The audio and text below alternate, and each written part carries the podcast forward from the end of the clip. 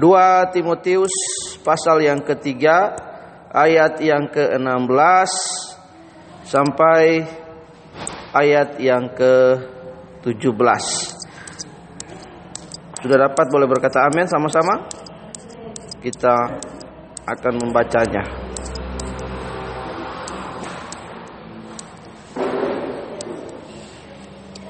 Ya.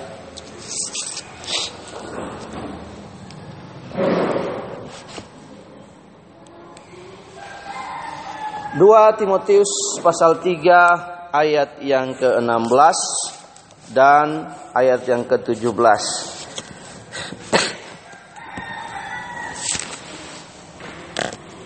Ya. Segala tulisan yang diilhamkan Allah memang bermanfaat untuk mengajar, untuk menyatakan kesalahan, untuk memperbaiki kelakuan, dan untuk mendidik orang dalam kebenaran. Dengan demikian tiap-tiap manusia kepunyaan Allah diperlengkapi untuk setiap perbuatan baik. Ya. Bapak Ibu yang dikasihi oleh Tuhan, tema utama perjanjian lama adalah bahwa penciptaan Allah Allah menciptakan segala sesuatu, menciptakan manusia, sejarah keterpilihan Abraham, kemudian perjalanan bangsa Israel, nabi-nabi dan nubuatan tentang Tuhan Yesus. Tema utama dari perjanjian baru adalah penggenapan perjanjian lama khususnya nubuatan tentang Kristus Yesus, hidup dan pelayanan Tuhan Yesus, gereja mula-mula dan kemudian berbicara tentang akhir zaman itu sendiri. Bapak Ibu, tema yang utama dari semua permasalahan kehidupan manusia itu ada adalah kejatuhan Adam dan Hawa. Kejatuhan Adam dan Hawa karena apa? Karena mereka melanggar perintah Allah, unsubmission, tidak taat kepada Allah. Penurutan kepada kehendak Allah tidak ada pada mereka karena diperdaya oleh iblis. Mindset mereka premis mereka. Lihat akhirnya gambar diri Allah yang disebut demut dan selem itu dalam diri mereka itu rusak. Demut itu perasaan kehendak karsa. Bapak Ibu lihat akhirnya manusia ketika jatuh ke dalam dosa itu Tuhan punya proyek yang disebut proyek keselamatan apa itu proyek keselamatan? Yaitu usaha Allah untuk mengembalikan manusia pada rancangan semula. Jadi pertama sekali Allah berurusan dengan manusia itu karena kejatuhan mereka, moral mereka, mindset mereka, karakter mereka semua. Roma 3:23 berkata bahwa semua manusia telah kehilangan kemuliaan Allah. Karena itu manusia itu harus mengenal pribadi Allah, harus kembali kepada Allah, penurutan kepada kehendak Allah. Nah, Bapak Ibu yang dikasihi oleh Tuhan, karena itu kuncinya cuma satu. Dalam perjanjian lama Allah berurusan dengan dosa-dosa umat melalui orang Israel. Kita melihat di situ proyek keselamatan Allah digagas dan kemudian melalui Israel terpilih warisan keselamatan itu nubuatan sampai kepada Yesus dan sampai kepada perjanjian baru ini Yesus menggenapi seluruh janji itu menjadi Adam yang kedua, menjadi pribadi yang menebus semua dosa kita. Bapak Ibu kita perhatikan Allah selalu berurusan dengan karakter sifat kita, tidak ada yang lain.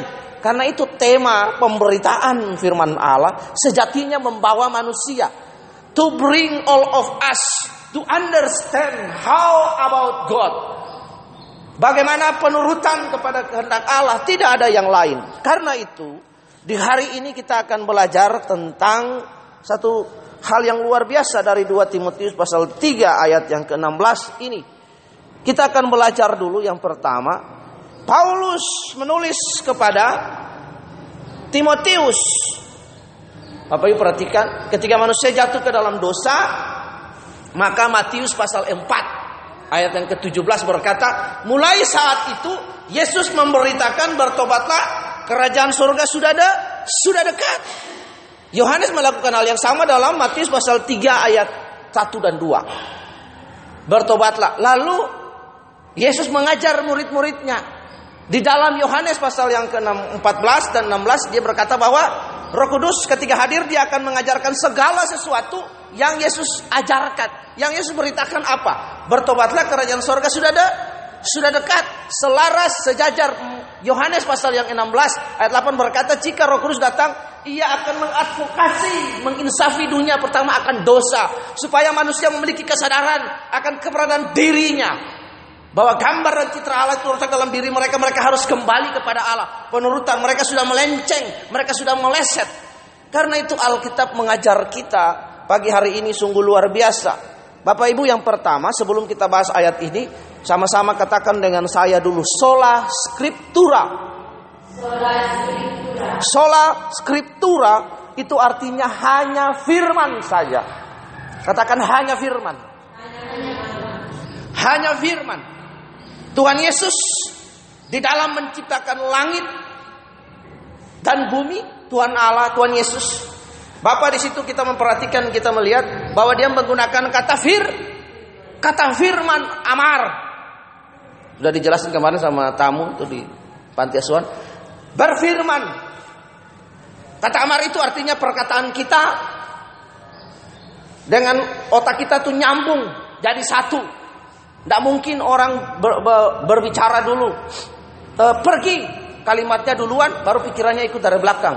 Tidak nyambung jadi jadi satu ingat amar kata-kata itu berkuasa, have authority, have power. Ketika saya bilang ke satu orang dari antara kita, tanya Risna, Risna, bangun. Risna bangun. Kata-kata itu berotoritas berkuasa. Jadi perkataan Allah itu ada di sini dan ada di mulut, berselaras. Jangan kita katakan lain tapi pikiran kita lain. Perhatikan. Firman.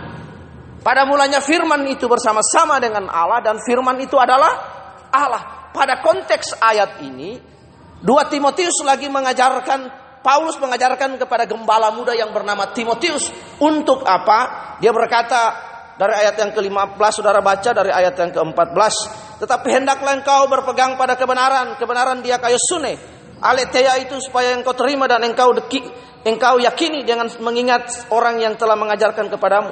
Ingatlah bahwa dari kecil engkau sudah mengenal kitab suci yang dapat memberikan hikmat kepadamu, menuntun engkau kepada keselamatan oleh iman kepada Kristus. Itulah sebabnya Roma 10 ayat 17 berkata bahwa iman timbul oleh penda, pendengaran, pendengaran akan firman Tuhan. Bagaimana iman kita raise faith itu kalau kita nggak pernah baca Alkitab. Iman timbul oleh pendengaran dan pendengaran akan firman Kristus. Dalam Matius pasal yang keempat, Tuhan Yesus menghadapi Jesus Christ defend Satan in the desert.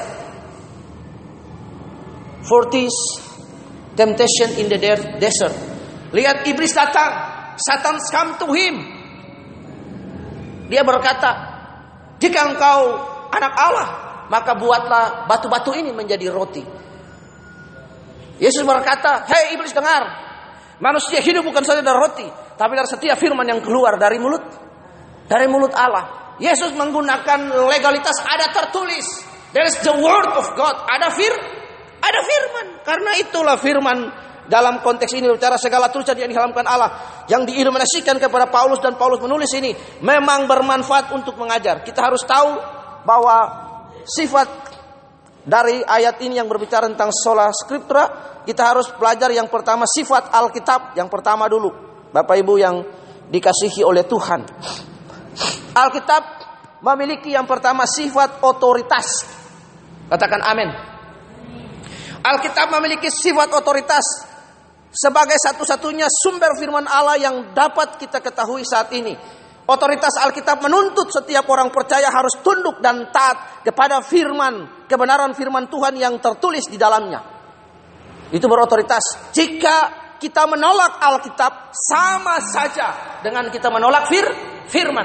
Yohanes 1 ayat 1 berkata, pada mulanya in the beginnings. Firman itu bersama-sama dengan Allah dan firman itu adalah Allah. Jadi firman ini adalah perasaan Allah, adalah pikiran Allah. Dia berotoritas. Jadi ketika kita menolak firman itu, kita menolak pribadi Allah. We reject the mind set of God. Kita menolak Allah. Alkitab memiliki otoritas yang luar biasa, berwibawa dari semua buku. Saudara tahu kertas yang saudara pegang ini, ini lebih mahal dari kertas uang. Nomor satu di dunia. Alkitab adalah buku yang terlaris di seluruh dunia sampai hari ini. The number one largest book. Dimusnahkan, tidak bisa dimusnahkan. Sebuah buku-buku lain dimusnahkan, iya. Sampai tidak berbekas. Alkitab tidak. Dibakar, di, di mencoba dimusnahkan tidak. Alkitab memiliki otoritas yang luar biasa. Firman Allah memiliki otoritas yang luar biasa. Jika kita takluk, kita memiliki penurutan kepada firman Allah, maka Bapak Ibu kita akan memiliki perasaan Allah, kita akan memiliki kecerdasan roh. Buku yang paling berotoritas, buku yang paling berwibawa adalah Alkitab itu sendiri. Untuk memahaminya adalah kita membacanya, kita mempelajarinya. Alkitab tidak boleh dipelajari sebagai sebuah objek penelitian. Alkitab tidak boleh dipelajari sebagai sebuah buku ilmiah, tapi Alkitab dipelajari sebagai sebuah perasaan Allah, mindset Allah, pikiran Allah, kehendak Allah. Karena itu Alkitab memiliki otoritas. Otoritas untuk apa? Di situ dia bilang bermanfaat untuk apa? Mengajar.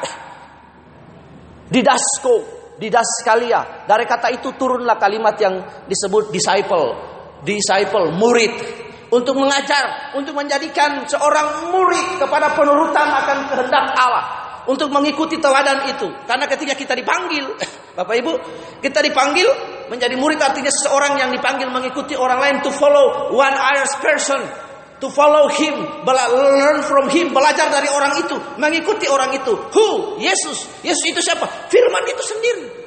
Karena pada mulanya Allah bersama-sama dengan firman dan firman itu adalah Allah. Firman itu telah menjadi manusia, tinggal di antara kita. Yesus. Bapak Ibu, firman memiliki otoritas yang luar biasa, bermanfaat sekali. Jadi firman Allah, Alkitab ini memiliki otoritas. Sifat Alkitab adalah memiliki otoritas sumber firman Allah yang dapat kita ketahui. Alkitab menuntut setiap orang percaya harus tunduk dan taat kepada kebenaran. Seringkali kita nggak taat, nggak tunduk. Kalau Alkitab bilang A, we must follow A. This is not an option but a must. Bukan sebuah opsi bagi kita. Ada opsi kan? Biasanya orang kalau ujian ada opsi. Pilihan ganda A, B, C, dan D. Tapi sebuah keharusan tidak ada jalan lain. Ikut Yesus. Orang Bali bilang singkone singketo. Yesus dogen.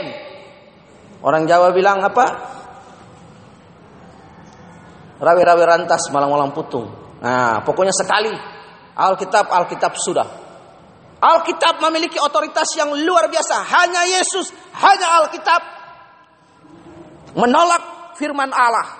Maka kita menolak perasaan pribadi, kehendak, kemauan Allah dalam hidup kita untuk membawa kita kembali kepada the first grand design, membawa kita kembali kepada desain semula Allah. Allah ingin membentuk kita dan memiliki sebuah relationship persekutuan. Bapak Ibu perhatikan ketika Adam tinggal di Taman Eden, Adam memiliki sebuah relasi yang intim dengan Allah. Adam bercakap dengan Allah, bergaul intim dengan Allah. Adam berjalan-jalan di the, the Garden of Eden setiap hari, setiap hari. Matahari bersinar, burung-burung, sungai mengalir, angin desiran pohon, ada berjalan, ada bangun.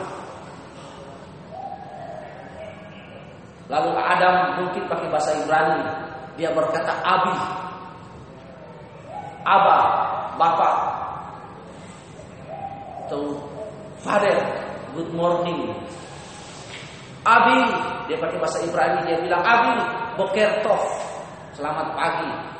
Boker Tov itu bahasa Ibrani selamat pagi. Toda Rabah itu artinya terima kasih. Abi Boker Tov, Toda Rabah. Allah berfirman dari sana juga.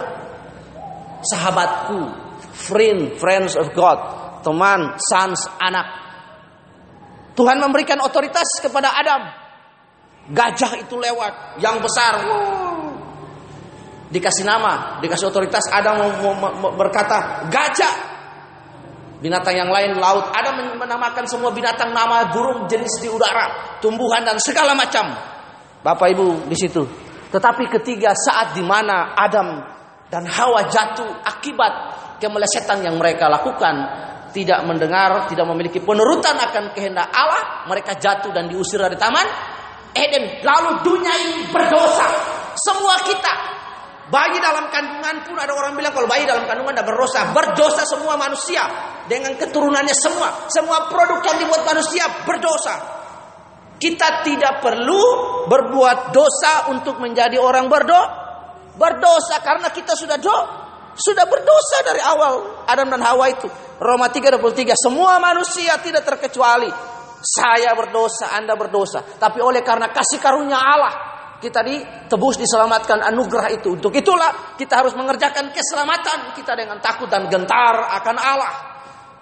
Memiliki penurutan kepada kehendak Allah. Jangan seperti Adam yang berontak kepada Allah. Jadi Alkitab memiliki sifat yang pertama adalah Alkitab menuntut setiap orang percaya untuk taat dan setia kepada firman Allah. Menolak Alkitab sama saja dengan menolak Allah yang telah berfirman di dalamnya. Karena perhatikan segala tulisan yang diilhamkan Allah or the word that inspiring by God. Di sini dilihat yang diilhamkan Allah diberikan kepada Paulus lalu dicatat dalam surat ini. Semua difirmankan Allah. Ber, bermanfaat untuk me, mengajar saudara dan saya supaya kita cakap memiliki kecerdasan roh, memiliki penurutan akan kemauan Allah. Supaya demut dan salam kita gambar dan kepala dikembalikan kepada tempatnya sepantasnya Bapak Ibu yang dikasih oleh Tuhan. Jadi Alkitab memiliki sifat yang pertama atau sola scriptura yang pertama memiliki sifat adalah Alkitab itu berotoritas lebih dari semua buku apa pun. Mungkin ini huruf-huruf mati yang kita sebut logos. Tapi ketika Bapak Ibu merenungkan firman, membaca firman ini, firman Tuhan berkata karena itu kalau kita baca Alkitab, jangan kita baca kita diam. Yesus tidak nyambung di sini. Tapi ketika kita baca Alkitab kita suara besar supaya kita bisa dengar karena Roma berkata iman timbul oleh pendengaran. Orang baca Alkitab orang Ibrani zaman dulu tuh disebut sekolah rabi Yeshiva, mereka baca Alkitab supaya bisa dengar, nangkap. Misalnya, aku telah mengakhiri pertandingan dengan baik, aku mencapai garis finish dan aku telah memelihara iman. Kita harus baca Alkitab supaya kita dengar di sini dan nyambung ke otak. Saya menyarankan itu baca Alkitab dengan suara yang diri kita sendiri bisa dengar untuk pribadi kita. Tidak usah sampai tetangga dengar. Ya, lihat di situ. Yang kedua, Alkitab memiliki sifat infallibility artinya Alkitab apa yang disampaikan seluruh kitab suci dapat dipercayai sebagai kebenaran Allah yang dapat diandalkan. Artinya Alkitab memiliki sifat yang pertama sifat otoritas. Yang kedua infallibility atau yang dapat dipercaya. Seringkali kan kita tidak percaya. Alkitab sudah bilang tapi kita masih ragu. Sifat Alkitab itu dapat dipercaya, tidak boleh diragukan. Amin. Firmanmu berkata, kau besertaku, maka kuat roh dan jiwaku. Ini kita tanya, benar enggak Tuhan? Harus yakin bahwa Alkitab dapat dipercaya sebagai kebenaran Allah. Satu-satunya Tuhan di muka bumi ini yang berkata akulah jalan kebenaran dan kehidupan. I'm the way the truth and life. Only Jesus. Hanya Yesus. Semua pemuka agama tidak bisa mengatakan dirinya adalah kebenaran. Hanya Yesus. Dan dia berkata jika kebenaran itu memerdekakan jika kamu mengenal kebenaran if you know about truth the truth shall make you free. Jika kamu mengenal kebenaran mengenal Yesus, mengenal pribadinya, mengalami keintiman dengannya, maka akan dimerde merdekakan. Merdekakan dari apa? Dari pikiran kita yang salah, memerdekakan kita dari semua hal-hal yang menghambat kita untuk memiliki pengenalan akan Allah. Bapak Ibu, patut dipercaya kebenaran firman Tuhan. Lihat di sini, apa yang disampaikan Yesus secara keseluruhan dapat dipercayai sebagai kebenaran Allah yang dapat diandalkan. Percaya, percaya saja, percaya saja, percaya sampai Tuhan datang. Percaya apa kata Alkitab? Amin. Eh, firman Tuhan berkata, jika engkau percaya kepada Allah, engkau juga percaya kepada Bapa. Kita harus percaya, yakin, saya yakin, yakinnya. Yakin firman Allah, ya dan amin, tidak berubah. Firman Allah tidak berubah, alfa dan omega, berkuasa, berotoritas. Kita harus percaya. Jika Yesus menuntut saudara dan saya untuk percaya kepadanya, percaya, yakin, sungguh. Alkitab tidak sedang membohongi kita. Alkitab bukan bok-bok. Manusia bisa bok-bok, bisa bohong. Alkitab tidak bisa bohong, tidak berubah. Tadi dia pertama memiliki sifat otoritas. Yang kedua, dia memiliki dapat diper percaya. Yang ketiga Bapak Ibu, Alkitab tidak memiliki kesalahan di dalam setiap tulisannya sebab Allah lah yang berfirman dan menginspirasi penulis. Jadi tidak ada kesalahan dari kitab Kejadian sampai kitab Wahyu semuanya nyambung. Karena pribadi yang sama yang nulis itu Allah melalui orang-orang yang berbeda. Roh Allah menginspirasi mereka. Latar belakang mereka berbeda, mereka tinggal berbeda umur di tempat zaman yang berbeda, tapi pribadi Allah yang menginspirasi mereka untuk menulis perasaan Allah sama. Alkitab tidak memiliki kesalahan karena firman Allah, karena Allah adalah sang kebenaran, maka segala yang difirmankannya tidak mungkin sah, salah. Alkitab memiliki ke adalah kebenaran, Allah adalah sang kebenaran, maka semua yang difirmankan Allah dalam kitab ini tidak mungkin salah. Contoh, dia berkata, Aku akan pergi untuk menyediakan rumah bagi kamu di sorga. Hanya orang yang dari sorga yang tahu tentang sor. Sorga tidak ada orang lain. Siapa yang dari sorga? Yesus. Dia dari sorga. Dia putra Allah. Dia dikirim datang untuk menebus dosa manusia menjadi Adam kedua membuktikan kesalahan bahwa iblis bersalah. Dia dari sorga. Para pemimpin lain cuma berkata, oh iya ini jalan ke sorga. Tapi dia nggak tahu, belum tahu tentang sorga. Bagaimana mungkin dia bawa orang kepada kebenaran? Hanya Yesus, akulah jalan kebenaran. Percayalah kepadaku. Jadi Alkitab berkata, lihat di sini Bapak Ibu yang dikasih Alkitab tidak mungkin salah. Semua yang difirmankannya tidak mungkin salah, benar, percaya. Yang ketiga, yang berikut keempat, Alkitab harus menjadi sebuah keharusan bagi setiap orang. Alkitab harus menjadi kebutuhan. Karena itu membaca firman Tuhan itu sebuah kebutuhan. Karena Tuhan menciptakan kita ada di dalam diri kita roh. Roh kita ini harus dipenuhi dengan kebenaran. Pikiran kita dengan kebenaran. Ada lagu sekolah minggu berkata.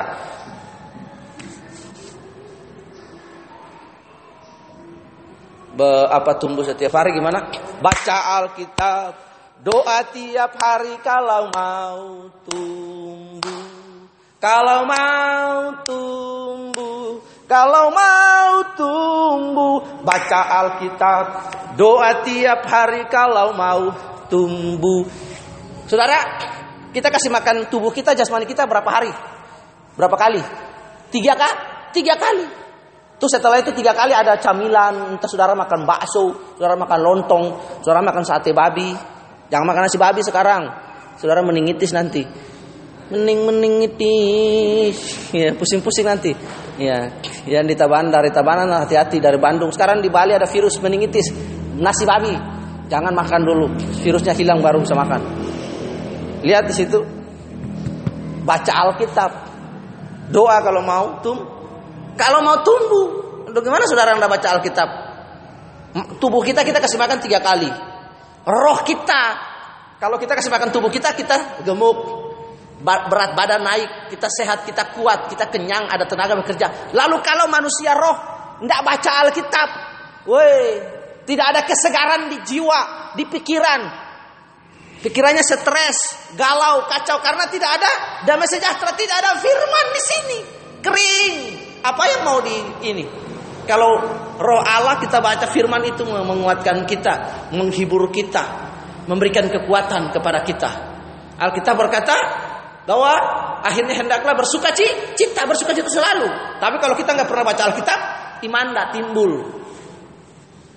Kita loyo, sedikit-sedikit kita marah, ngambul segala macam. Kalau firman, tapi kalau firman ada di sini, firman ada di sini, kita roh rohani kita kuat. Apa pun yang terjadi, orang mau datang, mau intimidasi kita. Oh, mau di situ katanya ada darah nanti, dicoba-coba takutin. Jangan di kamar itu katanya ada pembunuhan. Dalam nama Yesus, roh yang ada dalam saya lebih besar dari semua roh yang di dunia dunia ini. Amin. Jangan takut bersama Yesus. Orang jadi takut. Firman Allah beroto, berotori, berotoritas. Itu di situ. Lalu yang berikut. Firman Allah adalah sebuah keharusan atau kebutuhan. Itu kebutuhan sekali buat manusia roh. Bangun pagi baca Alkitab. Siang lagi tidak ada waktu baca supaya firman itu masuk di sini, di sini, menghidupi kita. Roh kita jadi kuat. Ketika ada permasalahan dan lain, wow, saya percaya. Saya percaya, saya percaya Tuhan yang memelihara saya. Seperti Mazmur 121. Dari manakah datangnya pertolongan? Datang daripada Tuhan. Kita percayakan kebenaran itu bahwa Allah dengan providensianya memelihara, menaungi, menjaga kita ciptaannya. Saudara ciptaan Tuhan percaya amin? Amin. Yakin providensi Allah, pemeliharaan, perlindungan Allah atas saudara, amin? Amin. Siapa yang mengatakannya? Alkitab. Kalau Alkitab itu adalah kebenaran yang keluar dari mulut Allah, mengapa kita ragu? Kita percaya. Amin. Mulut Allah yang ngomong sendiri loh. Bapak Ibu percaya. Itu di Facebook itu ada satu pria namanya Panggowar siapa itu? Panggar siapa? Dia bunuh diri di Facebook. Laki-lakinya cakep gagal. Iya. Dia gantung diri. Langsung dia syuting dirinya sendiri. Dia taruh video HP-nya. Dia ikat tali gini. Ya selamat tinggal. Bye bye istriku. Itu. Iya bener ini. Nah, tunjukin. Langsung mati sendiri. Di video. Sementara videonya masih belum terekam. Streaming dari Facebooknya langsung. Lihat tidak punya semangat untuk hidup, tidak mempercayai hidup. Laki-laki gagah ganteng. Akhirnya apa? Stres, korban cinta. Iya, Bapak Ibu. Karena itu jangan makan cinta. Iya. Apa itu cinta? iya. Ada yang bisa jawab apa itu cinta? Iya. Belum belum bisa anak-anak SMP yang nanti mau SMA kelas 1 belum bisa ada modal belum ada modal, sudah pacaran, sudah panggil SMS sayang. Hmm, cuy. Iya, sayang. Papa Lemon, Papa Lemon, Mama Lemon. Ada yang panggil itu. Halo Pi. Sudah makan ya Pi? Ya elah. Modalnya SPP dibayar orang tua. SPP dibayar orang tua, pacaran pakai WA dijawab, "Halo Pi, udah makan Pi." Papi dari mana? Hmm, papi. Iya. iya. Ada modal baru, pacaran. Modalnya apa? Sarjana, bekerja, punya uang sendiri, baru bisa gaya. Cari cowok, cari cewek. Ini nggak ada modal pacaran, panggil Pimi, Papa Lemon, Mama Lemon, Iyang, hmm, Iyang, Yakis. Nah. Iya, harus ada ada ada modal baru. Iya. Amin. Iya. Lihat yang berikut.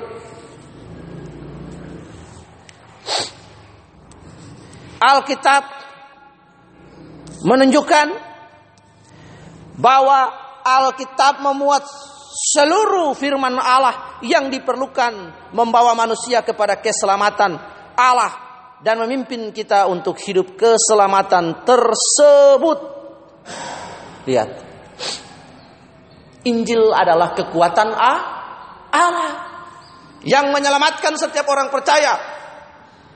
Bapak Ibu, Injil adalah kekuatan Allah yang menyelamatkan. Jadi saudara dengar Injil, dengar firman, dengar pemberitaan. Pusat dari Injil adalah Yesus itu sudah. Itu membawa keselamatan. Yesus, Yesus membawa keselamatan. Saudara yakin selamat? Yakin selamat? Yakin masuk surga? Belum tentu.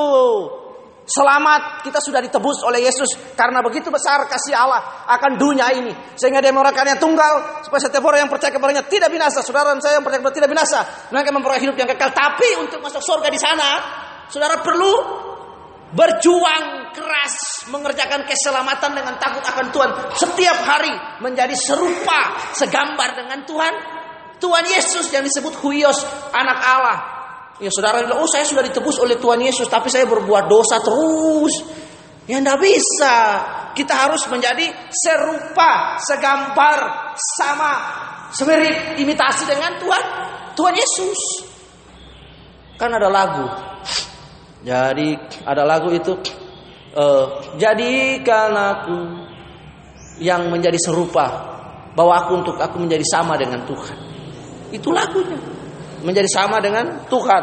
Yang berikut Alkitab sudah ditulis dengan jelas sesuai dengan maksud pemberitaan. Supaya Alkitab dapat dimengerti sungguh-sungguh dengan rendah hati bagi yang ingin mengetahui dan mengerti serta menjalankan firman yang disampaikan. Hebatnya Roh Kudus hadir sebagai pribadi yang akan mengadvokasi menolong. Roh Kudus memberikan understanding, pengertian kepada kita supaya kita kan dibilang dalam Yohanes 14 bahwa Roh Kudus akan mengajar mengingatkan kamu akan segala sesuatu yang Yesus ajarkan yaitu pertobatan, perubahan karakter dan lain. Contoh, kalau saudara mau ujian, tapi saudara tidak pernah belajar, mau saudara berdoa, Tuhan Ingatkan saya soal-soal yang supaya saya bisa mengerjakan. Roh Kudus bingung. Kamu doanya apa? Tidak belajar kok minta saya kasih soal. Iya. Roh Kudus kasih ingat yang kamu pelajari itu main catur di sono. Iya, main ini, main ini. Ya yang dikeluarkan itu. Iya.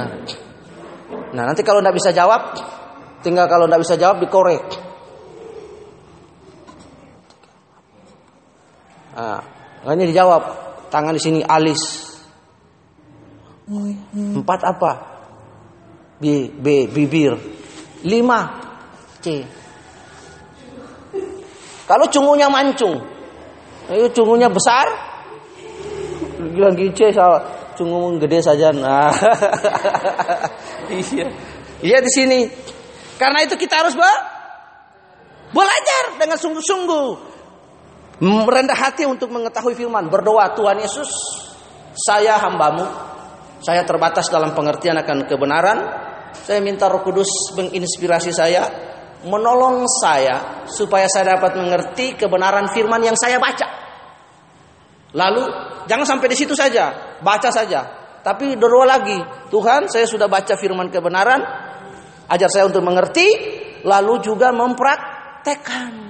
Karena berbahagia bukan saja orang yang mendengar tapi menjadi pe pelaku mendengar dan melah melakukan. Jangan mendengar saja, ting dia tembus sampai di sini.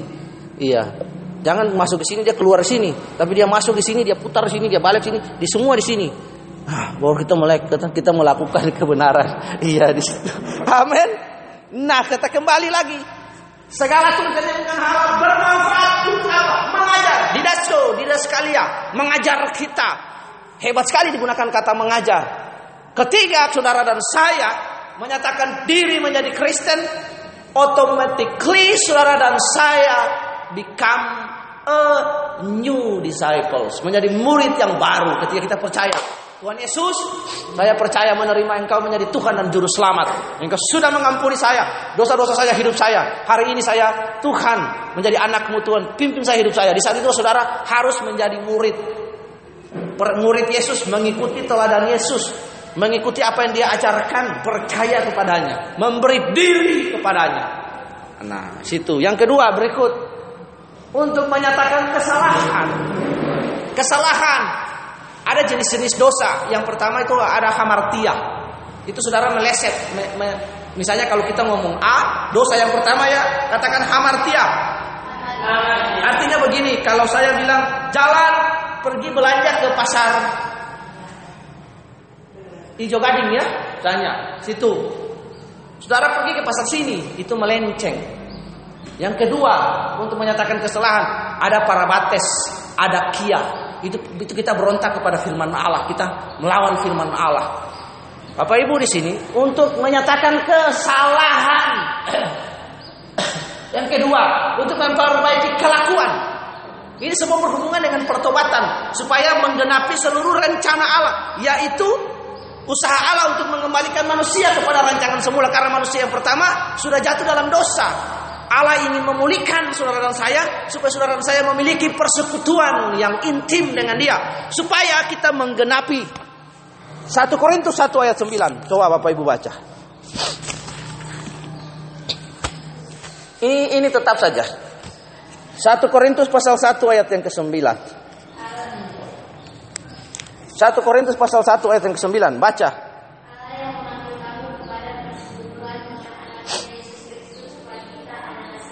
Iya. Allah yang memanggil kamu kepada persekutuan. Allah memanggil kita. God's call to us. To companion with him. Untuk menjadi menjadi bersekutu dengan dia. Mengikatkan covenant kepada dia. Ini lihat. Tuhan Yesus Kristus. Kita dipanggil untuk memiliki persekutuan. Untuk mendidik orang dalam kebenaran. Yohanes 8 ayat 32 berkata, Yohanes 8 32, jika kamu mengenal kebenaran, if you know about the truth, so the truth shall make you free. Jika kamu mengenal kebenaran, siapa itu kebenaran? Yesus yang berkata, akulah jalan kebenaran dan hidup. Dia akan memerdekakan kamu.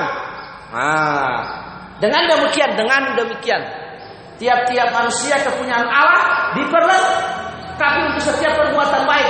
Kepunyaan Allah yang mana? Satu, dua. Petrus pertama Petrus satu ayat dua. Kan dibilang kepunyaan Allah. Kepunyaan Allah yang mana? Saudara buka. Pertama Petrus pasal 2.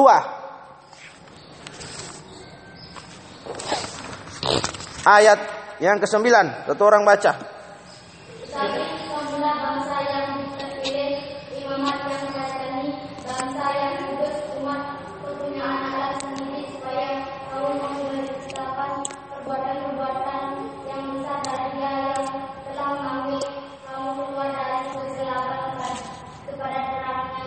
Wow, hebat kan kepunyaan Allah yang mana? Allah yang sudah memanggil kita, Mem membawa kita. Lihat di situ, menjadi orang-orang yang terpilih baginya. Imamat yang rajani, bangsa yang kudus umat kepunyaan Allah, yaitu kita dipanggil satu Korintus pasal 1 ayat 9 untuk bersekutu dengan dia. Kita tidak dipanggil untuk hal yang lain. Bersekutu dengan dia. Kaulah segalanya di dalam hidupku mengasihimu mengang memuliakanmu Bapa dan Rajaku. Jadikan aku Tuhan rumah doamu. Ya kan begitu? Bapak Ibu perhatikan dia yang memanggil kita untuk memiliki persekutuan. Dia yang mana Anak yang mana? Ini. Kitalah bangsa yang terpilih. We are the chosen people. Bapak Ibu perhatikan. Karena itu, mari kita belajar menjadikan firman Tuhan segalanya dalam hidup kita. Katakan amin. Mari tunduk kepala dan kita berdoa. Terima kasih Bapak di sorga.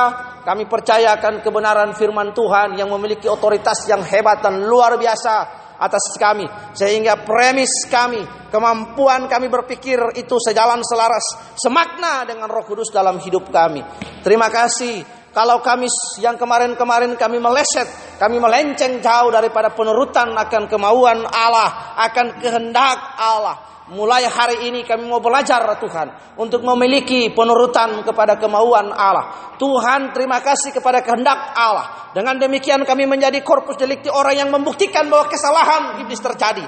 Tuhan terima kasih kami mau menjadi serupa segambar dengan engkau. Ini kerinduan kami Tuhan. Terima kasih Bapa di sorga. Kami berdoa dan kami mengucap syukur Tuhan. Biarlah firmanmu memerdekakan kami. Di dalam nama Yesus Roh Kudus advokasi kami dalam hari-hari kami hidup. Kami tahu Tuhan terima kasih. Di, di, di mana kami hidup pusat pengajaran kami percaya ada di gereja. Tapi pusat pelayanan kami ada di masyarakat, ada di keluarga. Terima kasih Tuhan. Jadikan kami berkat di keluarga. Jadikan kami berkat di dalam masyarakat. Dengan hidup kami Tuhan. Dengan teladan kami. Tuhan terima kasih di dalam nama dengan perkataan kami orang boleh melihat sikap attitude karakter kami dan mereka boleh berkata luar biasa Terima kasih terpuji namamu Tuhan. Kami berdoa, Roh Kudus advokasi kami, supaya kami mengenal kebenaran itu. Bukan kebenaran ilusi, tapi kebenaran yang sejati yaitu Yesus Tuhan. Terima kasih, kami sudah berdoa dan kami mengucap syukur buat Bapa di sorga. Terpujilah namamu, segala hormat, segala puji bagi Bapa di sorga. Haleluya, haleluya. Yang sudah percaya sama-sama kita berkata, Amin. Tuhan Yesus memberkati Shalom.